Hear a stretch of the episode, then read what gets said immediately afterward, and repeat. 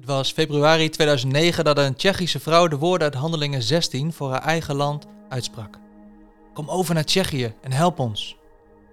Was op een voorjaarsconferentie van Elites in Action. Tussen de honderden jongeren viel zij op. Een 40-jarige vrouw met een Oostblokachtig accent. Een zus in geloof. Een zus met geloof. Geloof voor haar land, voor haar volk. Tegenstelling tot Paulus stelde ik de waarom-vraag en haar antwoord raakte me. Haar landgenoten kennen Jezus niet. Dook in de geschiedenis en opnieuw raakte het mij. Niet alleen Tsjechië, maar alle voormalige Sovjetlanden hebben in de afgelopen eeuwen diepe geestelijke verwondingen opgedaan en doorgegeven aan de geslachten na hun. De velden zijn wit, maar arbeiders zijn er weinig, zegt Jezus in Johannes 4.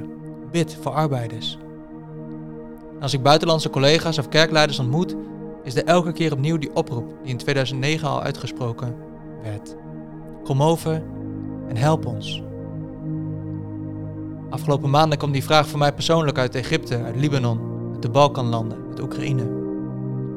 En als we het nieuws voorbij zien komen, dan kan ik me alleen maar voorstellen hoe hoog de nood is voor mijn broers en zussen in andere landen waar nood is. Er is hulp nodig. Als ik om me heen kijk, zie ik niet alleen de noodvraag toenemen, ik zie ook de laatste paar jaar veel arbeiders afhaken. Werk is zwaar, beloning vaak onvoldoende om het Nederlandse bestaansminimum te halen. Terwijl de wereld juist steeds meer behoefte heeft aan Jezus. Zijn liefde is zo nodig. Daar waar oorlog is, verbitterdheid, daar is het gebed dat liefde overwint nodig. En daar waar overstromingen zijn, aardbevingen, honger, dan is het mijn gebed dat de mensen daar omgeven worden met hulp vanuit liefde. En dat daar waar mensen vastlopen in eenzaamheid, depressie, uitzichtloosheid, dat daar mensen zullen zijn die naast hen zullen staan in liefde. Want liefde is het enige antwoord. En liefde heeft een naam. Jezus. Jezus is liefde. En hij roept ons op om in zijn liefde te blijven. Ja, maar Jaap, kun je denken, de nood is zo groot en arbeiders zijn er weinig, zegt Jezus zelf. Waar moet ik dan beginnen? En is het niet onbegonnen werk? Nou, als je niet begint, is het inderdaad onbegonnen werk. Maar als je wel begint, kun je je aansluiten met miljoenen anderen die ook uitdelen van Jezus liefde. Wat moet het mij dan kosten, is misschien je volgende vraag.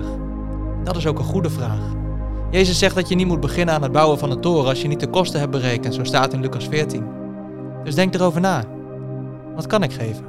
In mijn tijd, in mijn gebed, de ruimte die het in mijn hart mag innemen, ook in mijn geld en in mijn leven. En bid er maar voor, Heer, wat vraagt u hierin eigenlijk van mij? Een nieuw jaar komt eraan. De nood is hoger dan ooit. Het vraagt om wijze investeringen van tijd, van geld, van aandacht. Velden zijn er veel plaatsen in de wereld wit om te oogsten, maar arbeiders zijn er weinig. Bid voor meer arbeiders, zij zijn nodig.